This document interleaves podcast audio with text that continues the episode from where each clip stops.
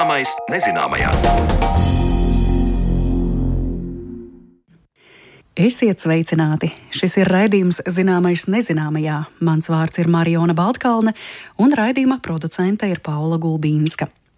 Pagājušā gada novembrī mēs radio stāsta veidā vedām jūs, cienījamie klausītāji, uz modes muzeju Rīgā un iepazīstinājām ar izstādi Melns, Balts, Sarkans ar šo krāsu simbolisko nozīmi un dažādiem patiesi leģendāriem tērpiem, kuros melnais, baltais un sarkanais ienācis. Interesanti joprojām var doties un aplūkot šo izstādi, un, protams, arī pašu raidījumu varat vēlreiz noklausīties mūsu arhīvā. Toreiz, veidojot raidījumu par izstādi, mēs ar kolēģiem aizdomājāmies par vēl kādu ar krāsām saistītu tematu, secinājām, ka pašas nemaz tik daudz par to nezinām, un tā nu tapa jauna ideja mūsu šīs dienas stāstam.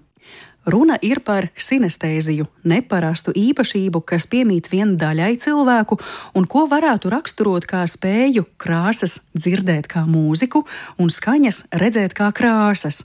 Kā tas ir iespējams, un vai, piemēram, konkrēta krāsa piemīt arī šodienai, otrdienai? To mēs noskaidrosim raidījuma otrajā pusstundā, tiekoties ar pētniecēm Solvitu un Braško un Līgu Zariņu. Sinestēzijas gadījumā nozīme ir iedzimtībai, un iedzimtība ir aspekts, kas būtisks arī krāsu akluma gadījumā. Šai parādībai būs veltīta raidījuma pirmā daļa, un ar to tūlīt gatava iepazīstināt mana kolēģe Zane Lāce Baltāksne. Pirmo reizi par to, ka kādu krāsu var redzēt citādāk kā ierasts vai neredzēt nemaz, varēja lasīt 1798. gadā angļu fiziķa un ķīmiķa Džona Daltona zinātniskajā rakstā Neparasti fakti par krāsu redzējumu. Daltonam pašam bija deitera anomālija, jeb nespēja atšķirt zaļo krāsu no sarkanās. Kādi krāsu redzes defekti pastāv, kā cilvēki tos iegūst un kāpēc latviešu vidū, salīdzinot piemēram ar islandiešiem, ir mazāks ar krāsu aklumu sirkstošo skaits.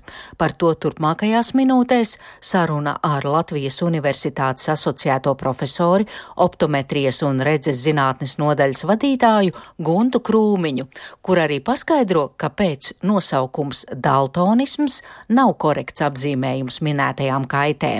Tā kā mums redzes sistēmā ir trīs balītes, Tautā mēs viņus saucam par sarkanajām, zilajām un zaļajām. Zinātniski mēs viņus pareizi saucam par īso viļņu, garo viļņu un vidējo viļņu jutības vālītēm, jo katra no tām ir atbildīga par konkrēto spektra daļu, kuru mēs uztveram, kā mēs to apstrādājam un kā tālāk mēs veidojam šo priekšstatu par apkārtējo pasauli.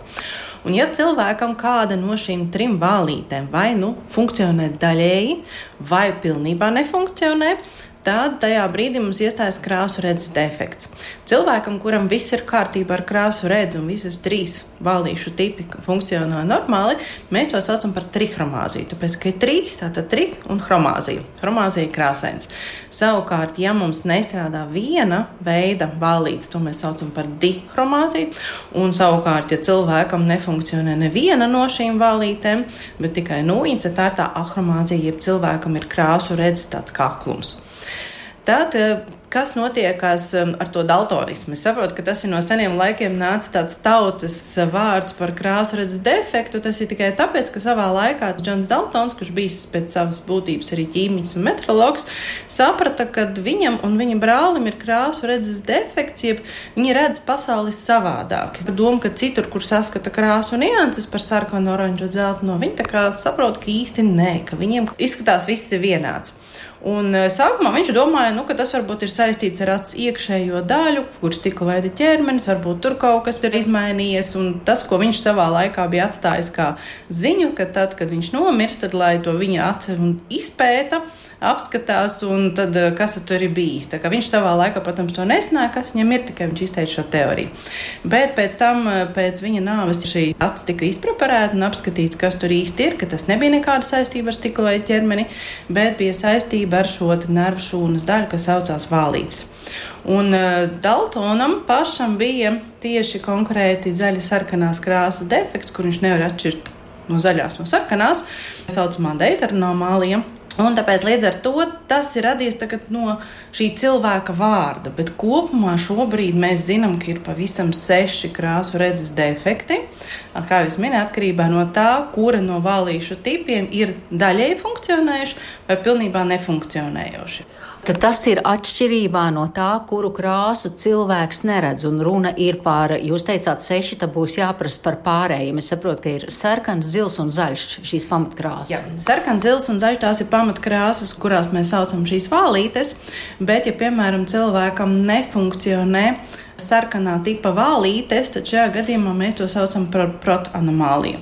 Tas nozīmē, ka cilvēkam ir grūti atšķirt sarkano no zaļās. Tas nekas, ka ir tikai traucēts sarkanās. Tieši tāpat ir ar zaļajām, bet šis sarkanais un zaļais ir diezgan līdzīgi.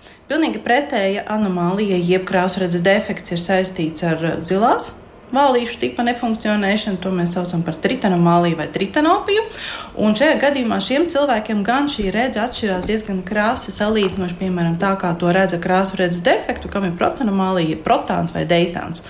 Un uh, viņiem ir šīs zilās krāsas iztrūkums, un līdz ar to, protams, mēs šiem cilvēkiem prasām, kā šo pasauli viņi redz, viņiem grūtības izstāstīt, jo Jau mācās arī no tās pieredzes. Un tas ir tas nākamais interesantais fakts, ka piemēram, ir ļoti atkarīgs no tā, kā mēs visu laiku šīs krāsas definējam, jo cilvēks tās iemācās nosaukt atkarībā no tā, kā mēs apkārtēji to saucam. Protams, ka cilvēkiem, kuriem būs šī protanomālija vai dēternomālija, jeb sarkanā zaļās krāsas redzes defekts, ja šos cilvēkus iesūtīs, piemēram, siltumnīcā savākt sarkanos tomātus, jeb nogatavojušos tomātus, nu, viņam tas būs neiespējama misija. Viņš savāks, varbūt atnesīs viņam teiks, jā, man liekas, ka šis ir gatavs, bet varbūt tā sieva būs dusmīga par to, ka pateiks, ko tu man te atnesi zaļus tomātus. Ja es nerunāju par šķirni, kas ir zaļa vai tāda brūnganīga, bet mēs runājam par klasiskajiem. Nenogatavotiem. Jā, par klasiskajiem tomātiem. Tieši tāpat arī zemenes viņi nevar mežā atšķirt, nu, meža zemenītes vai gatavās zemenes dārzā. Tā kā šiem cilvēkiem, kas saprot to, viņi nemaz šos darbus neizvēlās. Bet savukārt tiem cilvēkiem, kuriem ir šī saucamā trita, jeb tritāns, jeb ar zilo krāsu redz defektu, viņi var atšķirt šo sarkanu zaļo, bet uz to zilo pusi, kas ir tās nianses, viņiem ir grūtāk, un viņi tā arī saka, es to pasauli mazliet savādāk redzu, jā, bet tāpat laikā šī kļūdīšanās varbūt uz sarkanu zaļo ir mazāk nekā, piemēram, zilajā daļā. Tātad tritānomālijā protanomālija un vēl ir deitera. Deitera anomālija. Deitera anomālija. Jā. Tās visas, tad, ja galā mums ir anomālija, tad šajā gadījumā mēs to saucam, ka viena tipa valītes nefunkcionē pietiekami. Tās funkcionē, bet ir daļēji funkcionēšana. Ja mēs sakam opija, tritanopija, deiteranopija, un protonopija, tad tas nozīmē, ka tā ir tā saucamā dihromāzija, jeb nefunkcionē pilnībā viena veida vālīšu tips. Un tad tie ir šie seši, ja, šie jā, redzes defekti. Kā tas ir, eh, ja mēs runājam par monochromāziju, kad cilvēks redz melnbaltu pasauli? Jā, tieši tā. Šādu cilvēku ir ļoti, ļoti reti, jo šāda lieta reti kad iedzimst, bet tāpat laikā šiem cilvēkiem, kam ir šī monochromāzija, viņiem ir arī pazemināta redzes asums, jeb redzes kvalitāte, jo viņam ir arī citas dažādas saslimšanas klāt. Un šajā gadījumā šie cilvēki tiešām redz pasauli tā, kā mēs sakam, tādu melni pelēkais. Agrāk televizors, ja bija melnbaltais televizors, tad tieši tāpat arī viņam, ka viņš spēja tikai šīs nianses atšķirt melnbaltajos toņos. Ja? Un līdz ar to, protams, viņam ir ļoti grūti orientēties apkārtējā pasaulē, bet jebkurš cilvēks spēja adaptēties. Ja mēs runājam par šiem krāsu redzes defektiem, ir iedzimti, es saprotu, tur ir uh, gēni, tā teikt, parotaļājušies, bet ir arī iegūti, kas varētu būt dažādu atstraumu rezultātā. Jā, krāsu redzes defektus var uh, iegūt divos veidos. Viens ir tas ir iedzimtais, jā, tad, cik mums ir spēcīgi bijuši gēni, un otrs ir, uh, cik mums ir kaut kādas slimības, kas ietekmē tieši šo vālīšu funkcionalitāti. Arī varbūt saindēšanās ar medikamentiem vai, piemēram, ļoti spēcīgi spēcīgiem medikamentiem. Tas nav teiks, ka cilvēks viņus neliederīgi izmanto, bet viņiem ir spēcīgi arī vēža slimniekiem, jā, vai piemēram artrīta slimniekiem, ja tās ir kādas spēcīgas zāles, kuras var ietekmēt šo vālīšu funkcionalitāti, tad cilvēkam var veidoties krāsu redzes defekti. Un tie tie saucamie iegūtie. Tieši tāpat arī par iegūtu krāsu redzes defektu mēs varētu saukt tos gadījumus, kad cilvēkam attīstās katarakta. Tas ir acis caurspīdīgās daļas apduļķošanās, ja tāds kā lokus mums paliek ar vien neskaidrāks cilvēkam acu priekšā, tad atslēdz maina caurspīdīgumu. Tad šajā gadījumā cilvēkam arī nemanot pašam, tā kā mazliet mainās krāsu redzes pasaule. Bet šim cilvēkam, atšķirībā no tiem, ko es minēju, ka, piemēram, lietojot kādus medikamentus vai saindēšanās, arī varētu būt nopietni, piemēram, svinu vai, vai kādu citu vielu, viņiem tīri ietekmē šo funkcionalitāti. Tad katrā gadījumā tas tā nav. Tur ir tikai un vienīgi tā vide, kas mums ir pretī. Tā vairs nav tik caurspīdīga, un līdz ar to ietekmē, kā mēs gaismu filtrējam cauri caur mūsu optisko vidi. Un viņu gadījumā krāsu redze tikai uz to brīdi sāk pasliktināties atkarībā no cik strauji katarakta pasliktinās.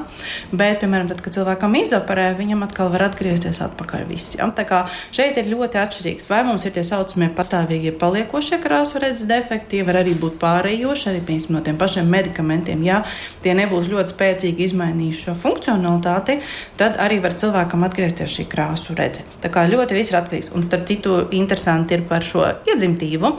Ja, piemēram, daudzi vecāki uztraucās, nu, ka, piemēram, tēvs ģimenē, ja, kuram ir krāsu redzes defekts, tad nav teikts, ka uzreiz, piemēram, bērniem būs šī pārmantotība. Meitai noteikti visticamāk nebūs, ja tur ir ļoti, ļoti jāsakrīt, tur jābūt arī mātei kaut kur kā nesājošam gēnam. Ir. Bet, ja mātei nav pat nesājošais gēns krāsu redzes defekts, tad meitai noteikti nebūs krāsu redzes defekts. Un dēlam arī nav teikt, ka simtprocentīgi būs. Varbūt drīzāk būtu pat mazbērniem, varētu būt, ja, kad varētu nu, tieši pa vīriešu līniju. Tā kā tas ir tā izteikti, ja, ka vīriešu līnijai ir diemžēl izteiktāk krāsredzes defekti nekā sievietēm. Ir. Iedzimtais krāsu redzes defekts ir aptuveni 8% vīriešu un 0,5% sieviešu. Iespējams, ka tas ir saistīts ar gēniem, kas nosaka no gēniem sastāvošās vīrišķās un sievišķās chromosomas cilvēka organismā. Bet skaidra atbilde ir uz to, ka šis krāsu aklums ir vairāk izplatīts tur, kur cilvēku populācija ir dzīvojusi noslēgtāk. Par to turpina Latvijas Universitātes asociētā profesore Gunta Krūmiņa. Kas ir interesanti, ko varu pateikt, ka Latvijā, tā, mēs veicām redzes skrīningu skolā, mēs 11,000 bērniem pārbaudījām redzi, tad mēs arī pārbaudījām krāsu redzi. Tad konstatējām, ka Latvijā šis skaits, jo tomēr mums bija ļoti plašs, 11,000 bērni, tad šajā gadījumā mēs konstatējām, labi, ja tikai 4% puikām bija šis krāsu redzes defekts un ar ko mēs to saistījām. Jo, piemēram, mēs painteresējamies, kas ir apkārt esošajās valstīs, kā Somijā, kur arī ir izteikti krāsu redzes defekti. Tad ir kādas zemes, kā Grenlanda, kur ir kā sala. Tur, kur cilvēki nav, kā saka, asinīm mainījušies, bet ir tā, dzīvojuši tā diezgan noslēgti, un Somija arī savā laikā ir diezgan noslēgta bijis no visām valstu pusēm. Tāda Latvija atceramies savu vēsturi, kas tik mums nav gājis pāri. Un pateicoties tam, varbūt, kas mums tik nav gājis pāri, tad mēs esam ļoti ar šiem saviem gēniem tik ļoti raibi, ka mums līdz ar to nav izteikta šī krāsu redzes defekta. Gan viens puses varētu teikt, jā, ka tas mūs ir pasargājis no šiem krāsu redzes defektiem, salīdzinoši ar citām valstīm, bet, protams, tas, ko atstāja vēsture, jā, nu, tas ir atkal cits aspekts ka mēs varētu salīdzināt, kā piemēram, ir tīrās sugas suņi un ir krancīši, ja tiem ir veselība stiprāka, tāpēc ka tie gēni ir daudz raibāki nekā vienveidīgi. Un es saprotu, ir Išihara tests krāsu, ja izstrādāts, kur ik viens var pārbaudīt savu redzi. Arī tagad, nu, kaut vai noklikšķinot internetu meklētāju, to var atrast. Jā, jā. Nu, krāsu redzes pārbaudīt var ar dažādiem testiem. Par tiem testiem, kas tiek rādīti uz datora ekrāna, es teiktu tā mazliet ar tādu pietāti. Nevis būt pārliecinātam, ka tagad kaut ko cilvēks neredz, un tagad viņš uzreiz satraucās un domā, ka man tagad ir krāsu redzes defekts. Tad tomēr labāk aiziet pie redzes speciālista un pārbaudīt. Un kāpēc? Tāpēc, ka šajā gadījumā gadījumā katrs datora ekrāns ir mazliet savādāk nokalibrēts. Tāpēc arī redzes speciālisti neizmanto datorizētos testus, ja tas ekrāns nav nokalibrēts. Tās ir speciālās kartes vai speciālai testi, kas ir kalibrēti. Un šajā gadījumā cilvēks, pārbaudot šo krāsu redzes defektanīs niansēs, var kļūdīties.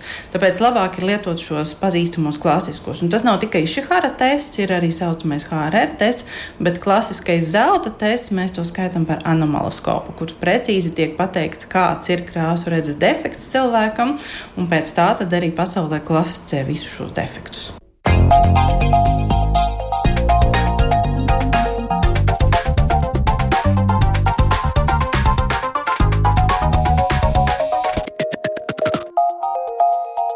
Zināmais nezināmajā. Mūzikas pasaulē ir visai daudz personību, kuras zināmas ne tikai ar savu radīto mūziku, bet arī ar vēl kādu neparastu īpašību, kas šiem cilvēkiem piemitusi, un tā ir sinestēzija. Redzēt mūziku krāsās, bet krāsas dzirdēt skaņās, un tie nebūtu nav vienīgie sinestēzijas veidi. Sinestēzija kā iedvesmas avots ir kalpojusi piemēram tādiem komponistiem kā Olivier Messiāns, Ģērķis Ligetī, Mikalojs Konstantīns Čurļonis, tā piemitusi arī latviešu skaņražiem Jānim Ivanovam, Ādolfam Skultem, un sinestēzija nodar arī mūslaiku komponistiem, bet, protams, tā nav tikai uz māksliniekiem attiecināma īpašība.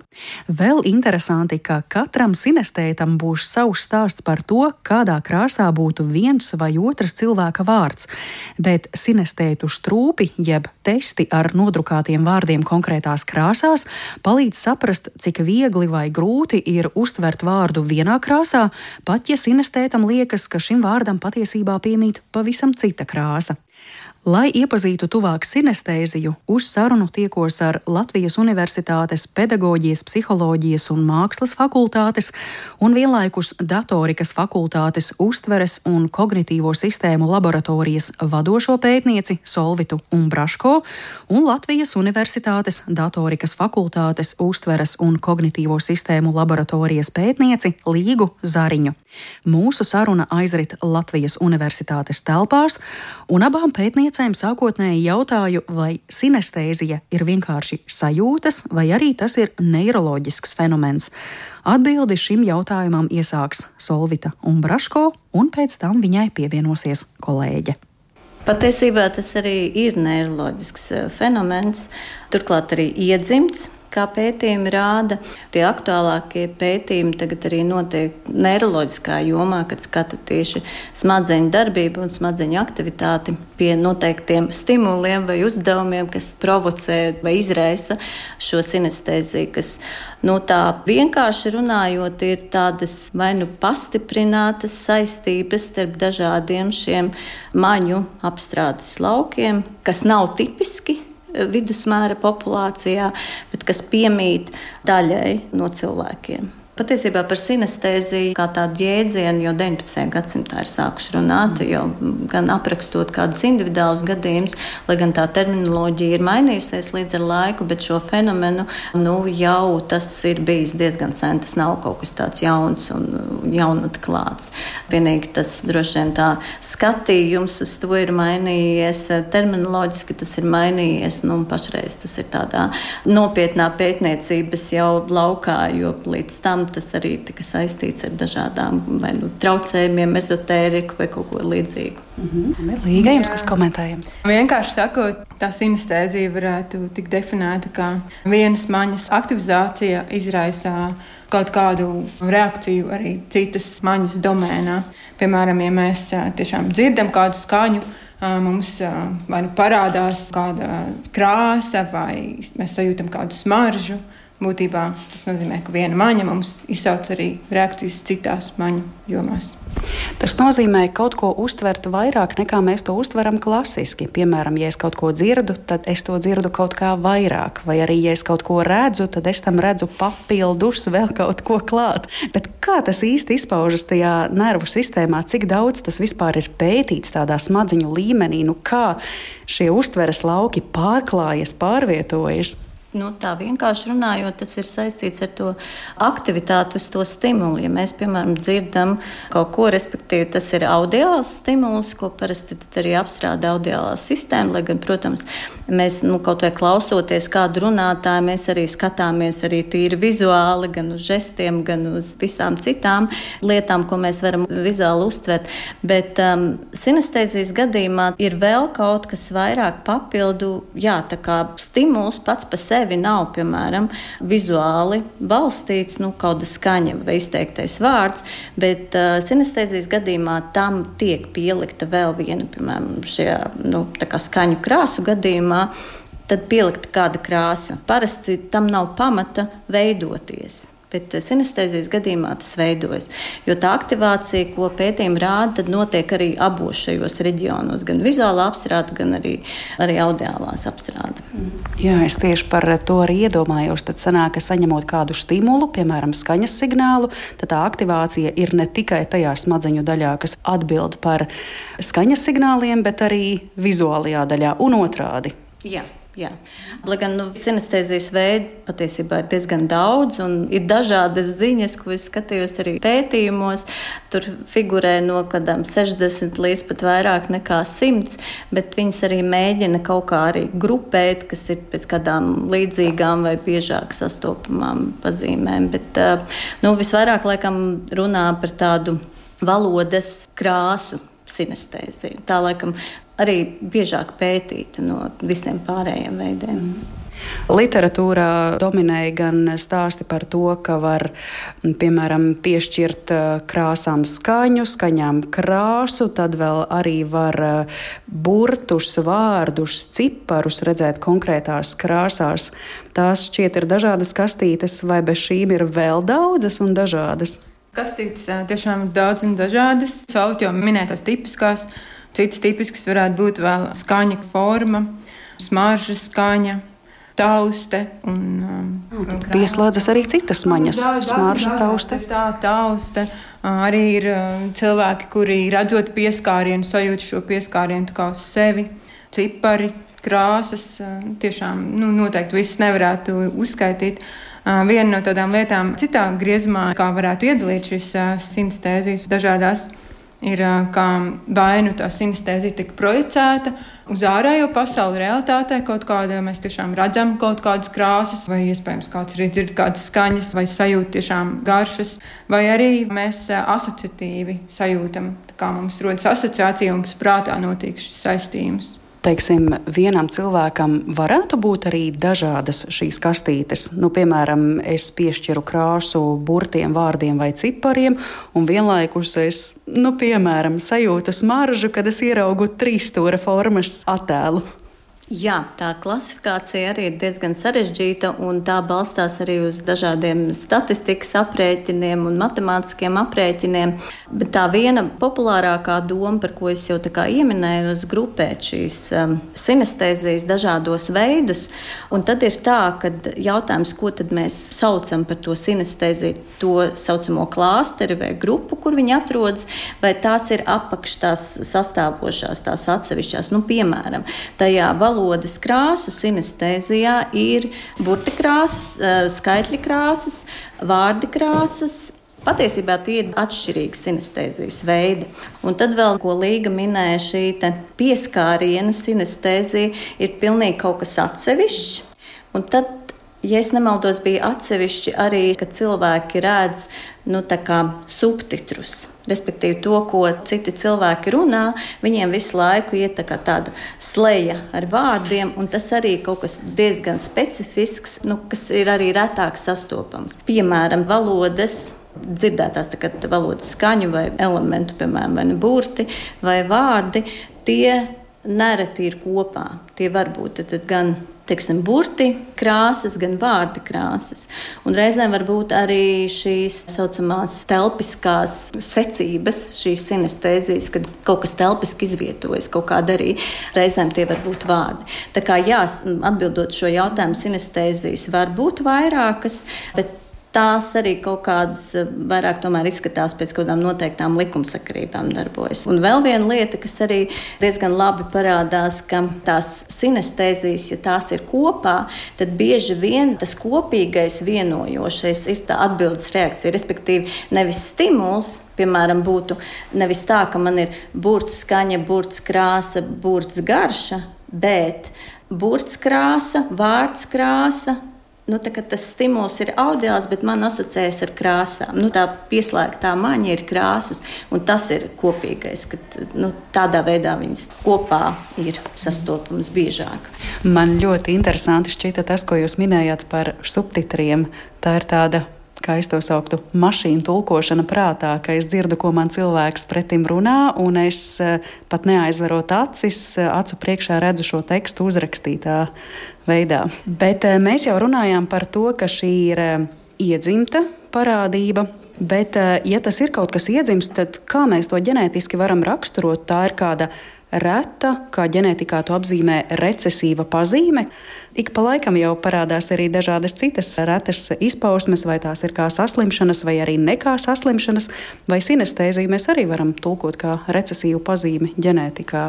Sinestēzija nav ne slimība, ne kaut kāda nepilnība, neirāla. Tā vienkārši ir tāda papildus teiksim, tā, spēja vai maņa. Un, uh, nekādā veidā netraucē ne veselību. Un tās teorijas, kas skaidro šo, e, ir vairākas. Joprojām nav tāda viena konkrēta pieņemta, kas izskaidrotu šo sinestēziju. Viena no teorijām stāsta par to, ka iespējams visi cilvēki piedzimstot kaut kādā mērā varētu būt sinestēti, bet attīstības gaitā smadzenes stabilizējas tādā veidā, ka tiek izšķirti šie maņu domēni un viņu saistījumi kas sinestētiem savukārt varētu būt kā veidojas savādāk, teiksim, tā, un kas varētu būt ģenētiski noteikts un līdz ar to bioloģiski skaidrojams. Bet uh, vēl citas teorijas runā par to, ka iespējams tas nav nevis uh, tās uh, konekcijas starp šiem reģioniem, kas ir vairāk, piemēram, vai spēcīgākas, bet uh, varbūt tas varētu būt process, kas nodrošina informācijas apmaiņas ar dažādiem reģioniem. Par to varētu liecināt tas, ka arī dažu vielu iespējā vai medicīnas kondīcija, tur smadzeņu bojājumi vai tam līdzīgi rezultātā varētu arī mainīties šīs maņas sajaukties. Un, un tas liecinātu iespējams par to, ka papildus kaut kādas konekcijas rodas smadzenēs vai arī vienkārši informācija savādākā veidā plūst. Bet, nu, tas, protams, tiek diskutēts un nav skaidri noteikts. Ir noteikts tas, ka tiešām iedzimtība varētu spēlēt lomu. Paudzēs parādās šī spēja vai iezīme. Un, uh, tipiski vairāk sievietēm pētījumi pat liecina, ka sešreiz biežāk tas ir sievietēm nekā vīriešiem.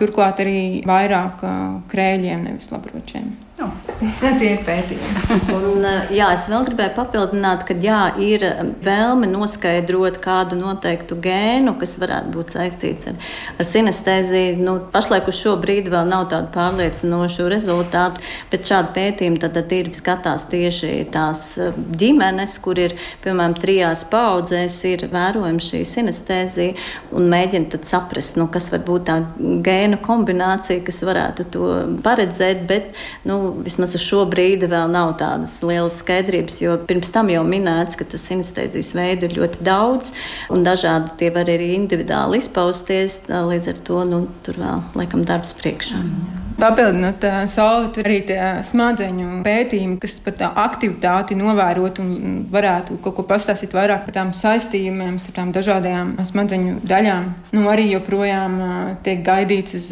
tehnoloģiski lielākām iespējām, lai tiešām viņas varētu ar pietiekošu izšķirt spēju noteikt. -hmm. Interesanti, ka jūs līga teicāt, ka maziem bērniem sinestēzija varētu būt izteiktāka, ka mēs visi piedzimstot esam sinestēti. Un tā liekas, ka iespējams tad varbūt cilvēkiem, kuriem ir sinestēzija, ir lielāka smadzeņu plasticitāte, jo arī par maziem bērniem saka, ka viņiem ir vieglāk valodas iemācīties daudz labāk, ka divu, trīs gadu vecumā to ir labāk sākt darīt, jo smadzenes ir elastīgākas. Un tad es to uzreiz gribētu arī teikt, ka varbūt tad sinestētiem arī smadzenes ir tādas plastiskākas, elastīgākas, var vairāk kaut kam pielāgoties. Nu, tas, tā varētu domāt, lasot pētnieku darbus, kas šajā iedziļinās. Bet nu, jā, pētījumi liecina, ka šī sinestēzija attīstās bērnībā, un arī varētu būt, ka tā dzīves laikā pavājinās. Taču viena no tādām pamatpazīmēm šiem sinestētiem ir tā, ka tomēr tās saistības saglabājās ilgā laika posmā, visu mūžu. Un mēs parasti neiegūstam šīs spējas pieaugušā vecumā. Tas arī ir bijis viens no pirmajiem pētījumiem, kas apliecina šo sinestēzijas fenomenu, novērojot to, ka tiem sinestētiem tiešām tās saistības, piemēram, krāsa un vārdi saglabājās tur gadu, bet tiem, kas nav, arī mēs spējam asociēt visi vārdus ar krāsām, vai ko mēs varam visi saistīt, kaut kādu saistību mēs varam rast, bet tas mums var būt mainīgs atkarībā no noskaņojuma, atkarībā no pieredzes un, un dažādiem citiem lietām. Bet tiem šiem sinestētiem saglabājās tie saistījumi. Jā, jo es arī iedomājos tādu situāciju dzīvē, kad drausmīgi sāp galva un tev liekas, ka tev gar acīm ņirba sarkana krāsa, bet tā laikam nebūs sinestēzija. Solvita krata ar galvu. Nē, Visticamāk, ka tā nebūs. Tas noteikti ka kaut kāds jau tur neiroloģisku pamatojums tam visam ir arī. Tāpēc jau migrēna gadījumā tur arī viena no tām pazīmēm, kad ir kaut kāda gaismas uzplaiksnība vai kaut kas. Bet tas ir tāds ļoti epizodisks un tas nav ilglaicīgi noturīgs. Savukārt sinestētiem, kā Līga teica, tas ir konsekventas saistības. Un tajos pētījumos, kur mēģina noteikt, nu, piemēram, lai atlasītu, izlasītu sinestētus, liela daļa tās ir pašnovērtējuma aptaujas, kur viņi arī atzīmē nu, teiksim, kaut kādas šīs saistījumus, vai nu, vārds krāsa vai burts krāsa, un viņiem to atkārtot liek darīt. Un arī tādā ilgākā laika posmā, un tad arī skatās tieši šo konsekvenci, kā Līga minēja, ka šis paliek diezgan noturīgi, tur nav viena diena man šo vārdu saistās zaļš, pēc tam man citā dienā vai pēc gada man ir pilnīgi cits saistības. Bet atkal vēl citi pētījumi rāda, ka tomēr ar vecumu, pieaugot vecumam, šīs krāsas, nu, es teiktu, pabalē vienkārši sakot, jeb tā vairākums aiziet un palielinās tieši šo brūno, melno, balto un pelēko krāsu īpatsvars. Tā kā tās spilgtās krāsas samazinās un viņu vietā stājas šīs tumšās krāsas. Tas gan arī oh, parādās. Cik interesanti. Vēl viena lieta, vienkārši iedomājos, Sauta stāstīja, ka pētījumi liecina, ka šie saistījumi katram cilvēkam tomēr ir individuāli, ka vienam cilvēkam tur viens cipars būs vienā krāsā, un citam cilvēkam tas pats cipars būs citā krāsā. Bet vērtīgi arī, ka cilvēks vispār atklāja pats sev šādu īpašību bērna vai pieaugušā vecumā, un tad arī spēja novērot to, ko jūs Solvita minējāt, ka tās krāsas pabalē. Jā, bet patiesībā tiem sinestētiem, ja viņiem jautā, viņi parasti saka, ka kopš agras bērnības viņiem tas ir bijis, un viņi to ir piefiksējuši, bet tā vienīgā lieta, ka īstenībā nav apzinājies cilvēks, ka tas ir kaut kas īpašs, jo tas ir kaut kas, kas ir bijis nu, kopš cilvēks sevi atceras, viņam ir šīs bijušas veidošās asociācijas. Un vienīgi tad, kad jā, ja pēc kāda laika, vai nezinu, pēc 30, 40 gadiem pajautā, tad varbūt tā retrospektīvi skatoties, varbūt tur var saskatīt kādas izmaiņas, ka tur ir tās krāsas kaut kā mainījušies, tas īpatsvars no nu, tās tumšās un spilgtās krāsas. Es vēl domāju, arī nu, iespējams bērni redz tos savus saistījumus, varbūt pat cenšas par viņiem runāt un teikt, bet kā citi cilvēkiem nav šis, tad viņiem nav tādas lietas, ko pārunāt, un tad viņi neturpina vairs citiem izpaust tās savas saistījumus. Jā. Jā, un tad domā, ka bērns ir to izdomājis vai dzīvo savā krāsainajā sapņu pasaulē. Tātad gēns tiek vēl meklēts, bet eh, vai jums ir zināms, vai vispār ir apzināts, vai piemēram šīs sinestēzijas īpašība ir evolucionāri kaut kā varbūt palīdzējusi cilvēkiem, ja es spēju vienu vai otru parādību uztvert gan audiāli, gan vizuāli, varbūt ar smaržu vai garšu, varbūt tas man pat palīdz izdzīvot. Ir kas tāds zināms? Mm. Būtībā šobrīd nav noskaidrots tas pamats, neirālais un pārējais, lai droši vien lai skatītos arī vairāk pagātnē. Bet skaidrs, ka mēs lietas uztveram ne tikai vienu maņu, bet jebkurš cilvēks visas lietas uztveram dažādām maņām. Bet šī papildus saistījums bieži vien ir tāds, ko mēs tiešām ar to citu maņu nevarētu uztvert, piemēram, tos burtus kaut kādā krāsā. Tie burti iespējams ir melni, bet tie cilvēki, kam ir šī sinestēzija, redz viņus kaut arī mm, reāli jau nav šis simuls šādā veidā uztverams nu, no reālās pasaules mums apkārt. Un, nu, tas arī ir viena no tādām pētījuma jomām, kur sinestēzija kā tāds fenomens palīdz noskaidrot tā, kā smadzenes saliek kopā tās zināšanas, kas mums liek uztvert pasauli vienā veidā, un tajā pašā laikā mums arī pastāv tā reālā pasaule, kas dod mums tos stimulus mūsu sajūtās un liek mums pasauli arī uztvert. Mēs saistām gan zināšanas, gan tās konkrētās uztveramās īpašības no pasaules. Jā, jo ikdienā, pat ja mēs neesam sinestēti, bet kaut kādi simboli, signāli mums tiek pasniegti gan ar burtu un vienlaikus krāsu palīdzību, tas taču arī uz mums iedarbojas spēcīgāk, vai ne? Kaut vai vārds eh, SOS, SOS, un ja tas ir sarkanā krāsā, nu es uzreiz zinu, ka tur ir ziepes vai ir jāmeklē palīdzība. Tad eh, vai ir vispār zināms, cik galu galā pasaulē, Latvijā cilvēkiem piemīt šī unikālā īpašība, neatkarīgi no tā, par kuru kastīti mēs runātu, burtiem, vārdiem, krāsām, skaņām, smaržām? Vai tas ir vispār apzināts, vai to var tā izmērīt? Tie ir apmēram 2-4%, kas parādās pētījumos. Jā, pašreiz pasaulē notiek, cik var saprast, diezgan plaši pētījumi, un ir atsevišķas pētnieku grupas, kas um, arī ievieto teiksim, tādas plaši pieejamas aptaujas, kur var piedalīties pat no uh, daudzām valstīm, un viņi vāc uh, šīs lielās grupas, lai tiešām mēģinātu pēc iespējas detalizētāk saprast.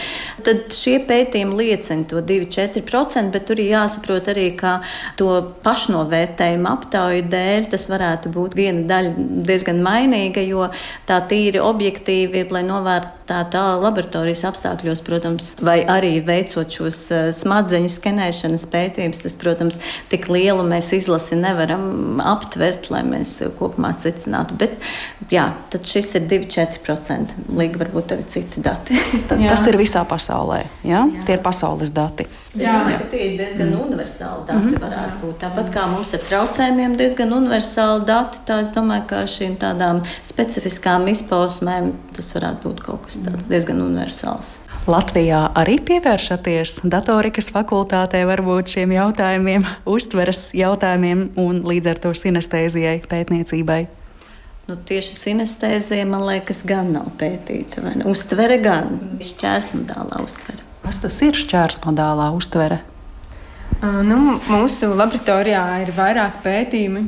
Būtībā pateicoties Andrejai Egliša kunga atbalstam.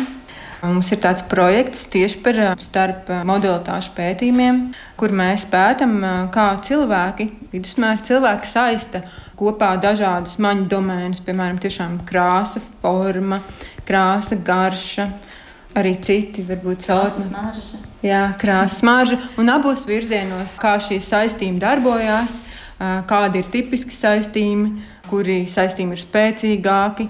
Nu, piemēram, vai mums salda krāsa saistās ar sarkanu krāsu vai ar zilu.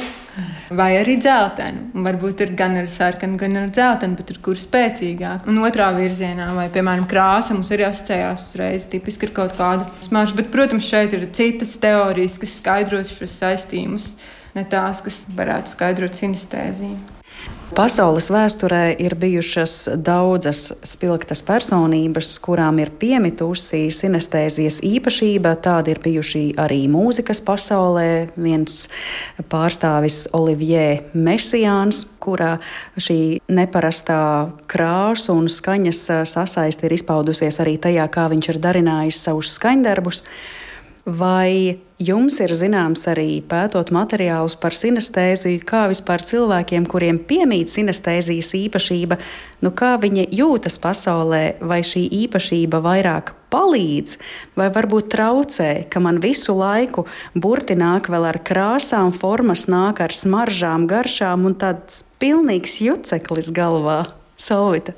Droši vien tas ir atkarīgs arī no tā sinestēzijas veida, jo ir aprakstīti arī pētījumos šie gadījumi, tie specifiskie gadījumi, piemēram, par minēto šo subtitru pavadošo saistījumu, ka tas var būt apgrūtinoši tam cilvēkam, ka viņam visu laiku nāk tie subtitri, viss tiek pārvērsts tādā rakstiskā veidā. Bet citādi, ja piemēram tā ir vārdu vai burtu un krāsu saistība, nu tādā ikdienā tas varētu arī būt diezgan neitrāli, bet atkal tas attiecas uz tiem gadījumiem, kad, protams, kad uh, ir audiāli to dzird, bet uh, citiem ir tieši rakstiskajā veidā, un ja rakstiskajā veidā, nu, piemēram, ir ļoti spilta šī burta, jeb grafēmas uh, un krāsas sinestēzija, nu, tad tie cilvēki redz tos vārdus iespējams dažādās krāsās, kas varbūt var apgrūtināt, bet, uh, nu, lasot pētījumus, nu, nešķiet tā, ka tas būtu kaut kas ļoti apgrūtinošs vai kaut kā ļoti traucējošs tādā ikdienas dzīvē, varbūt droši vien kādos atsevišķos gadījumos. Ir tendence to saistīt, kā jūs jau minējāt, ar ar radošām profesijām, ka tām varbūt varētu būt biežāk izteikts, bet tas tā nu stingri arī nav pierādīts un nav tāda stingra pamatojuma, ka tas tiešām tā ir. Iespējams, ka šo profesiju pārstāv vairāk par to runā vai kaut kā vairāk izpauž to. Varbūt, bet tā arī ir man tikai mana spekulācija. Bet, jā, tas pavīt pētījumos, ka tas varbūt varētu raksturīgi biežāk šīm māksliniekiem, mūziķiem, šo jomu pārstāvjiem, bet nu, tādu stingru apliecinājumu tam es es neesmu redzējis. Mm. Es vēl iedomājos eh, par tādu lietu, satiekas dzīvē divi vai trīs sinestēti. Viņiem noteikti ir ļoti interesantas sarunas, jo katram šī sinestēzija, kā jau mēs runājām, var izpausties citā veidā. Un pat ja diviem sinestētiem ir īpašība, ka viņi vārdus redz ar krāsām vai burtus redz ar krāsām, tad šie burti jau arī katram var būt citā krāsā, kas ir saistīti ar dzīves pieredzi, nu, kaut kādām subjektīvām īpašībām. Tā ir, tā varētu būt. Jāsaka, ka patiesībā pētījumos nemaz tā neatklāja, teiksim, kādā tipiski krāsā redz, piemēram, vārdus vai burtus kaut kur pavīt, bet tā diezgan nenoteikti.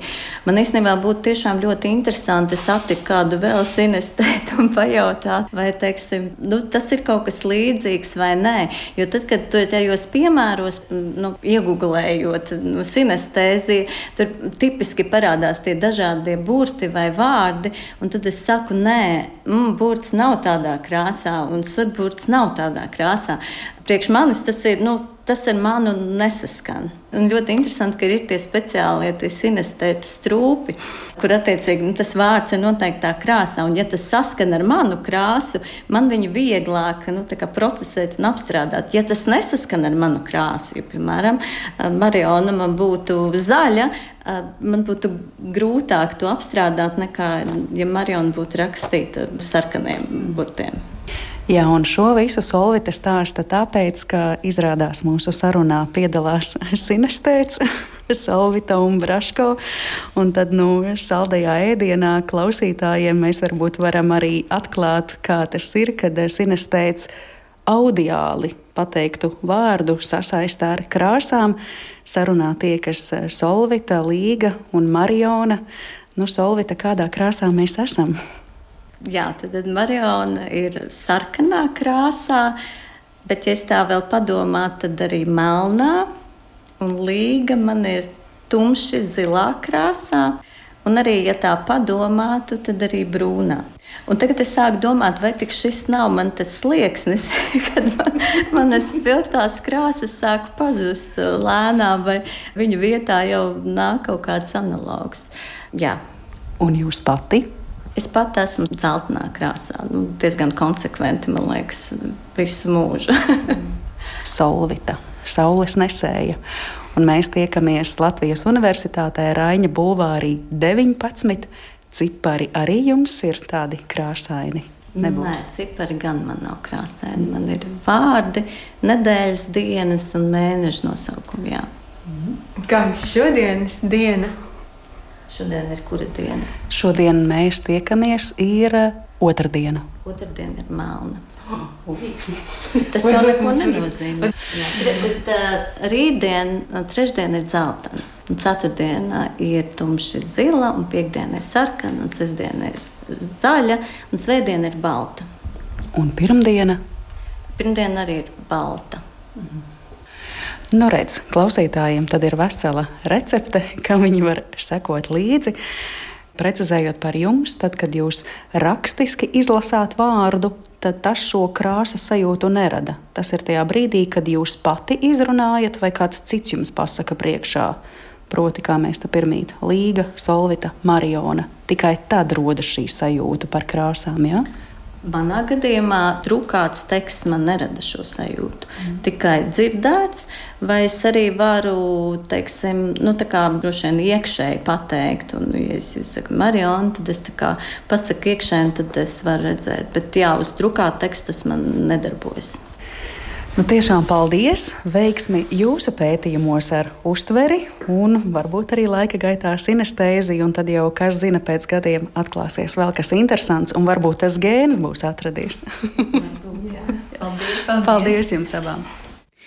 Kā redzams no mūsu sarunas, tad sinestēzijas laukā pētniecība vēl turpinās un turpināsies, un ticam, klausītāji, ka arī jūsu vidū ir kādi cilvēki starp sarunā pieminētajiem diviem līdz četriem procentiem iedzīvotāju, kuri vārdus redz vai dzird kā krāsas, vai varbūt pat sajūt kā garšas un piedzīvo citus sinestēzijas veidus. Par sarunu šodien es saku paldies Latvijas Universitātes pedagoģijas, psiholoģijas un mākslas fakultātes, kā arī datorikas fakultātes uztveres un kognitīvo sistēmu laboratorijas vadošajai pētniecei Solvitai Umbraško un Latvijas Universitātes datorikas fakultātes uztveres un kognitīvo sistēmu laboratorijas pētniecei Līgai Zariņai.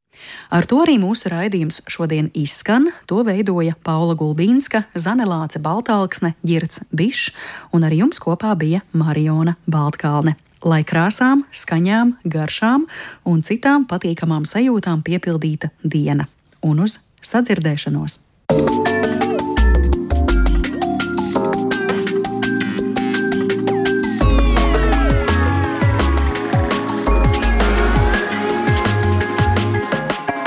Zināmais nezināmajā.